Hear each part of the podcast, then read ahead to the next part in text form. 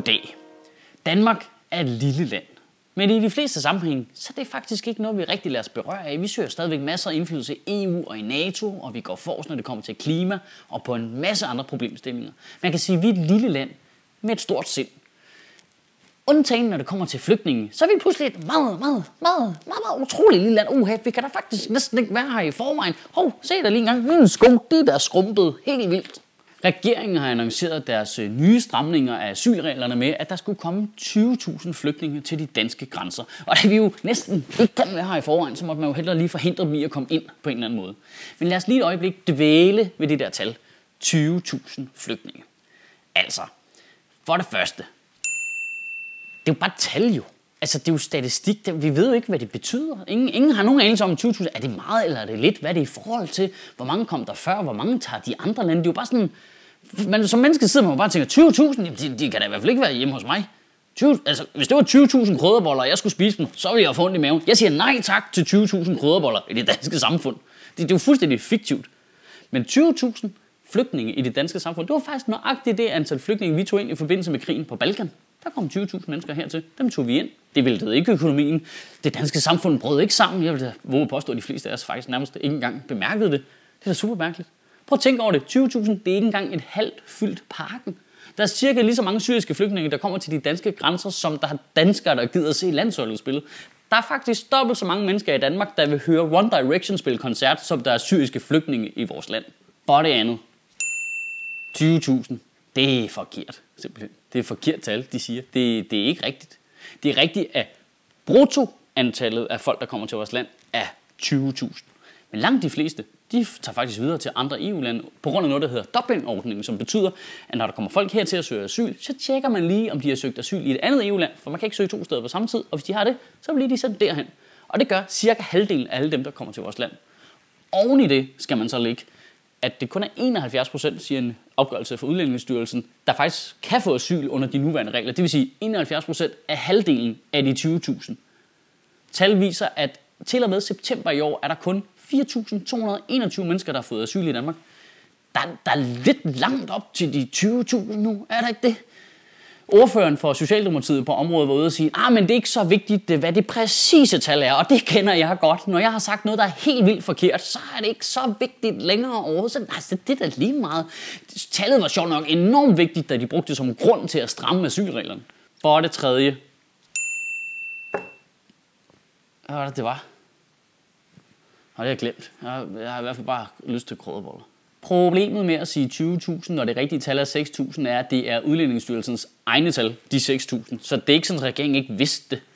De, de, de ved det godt. Det er jo ikke sådan, at statsministeren kunne sidde og se den her tale og bare tænke, hvad? Det forstår, er det kun, nå, okay, det var da en utrolig velinformeret komiker, det der. Selvfølgelig ved de det. Det er deres egne tal. Og med far for, der går for meget konspirationsteori i den, så føler man sig bare nødsaget til at spørge, hvorfor siger de forkerte tal med vilje?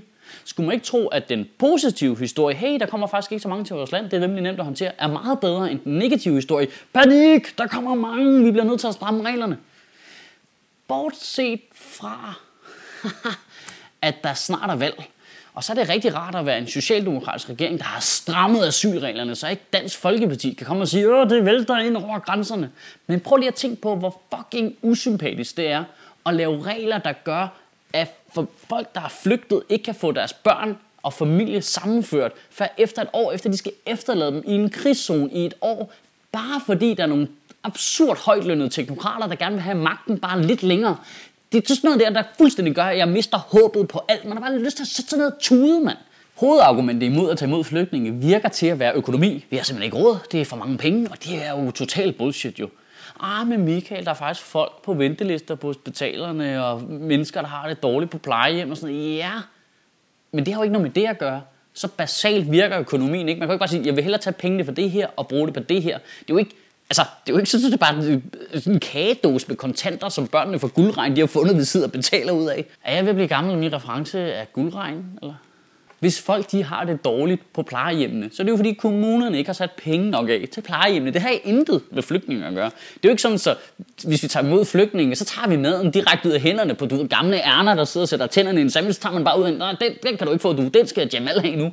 Når regeringen siger, at det er svært for kommunerne at håndtere alle asylansøgerne, så er det jo helt konkret, fordi regeringen ikke giver kommunerne penge til at løfte opgaven for. Så er det, bare, det er sådan en ansvarsforfølgelse, hvor man bare siger, nej, nej, men det kan, det, det kan de slet ikke håndtere. Du kunne jo give dem nogle penge, så de kunne håndtere det.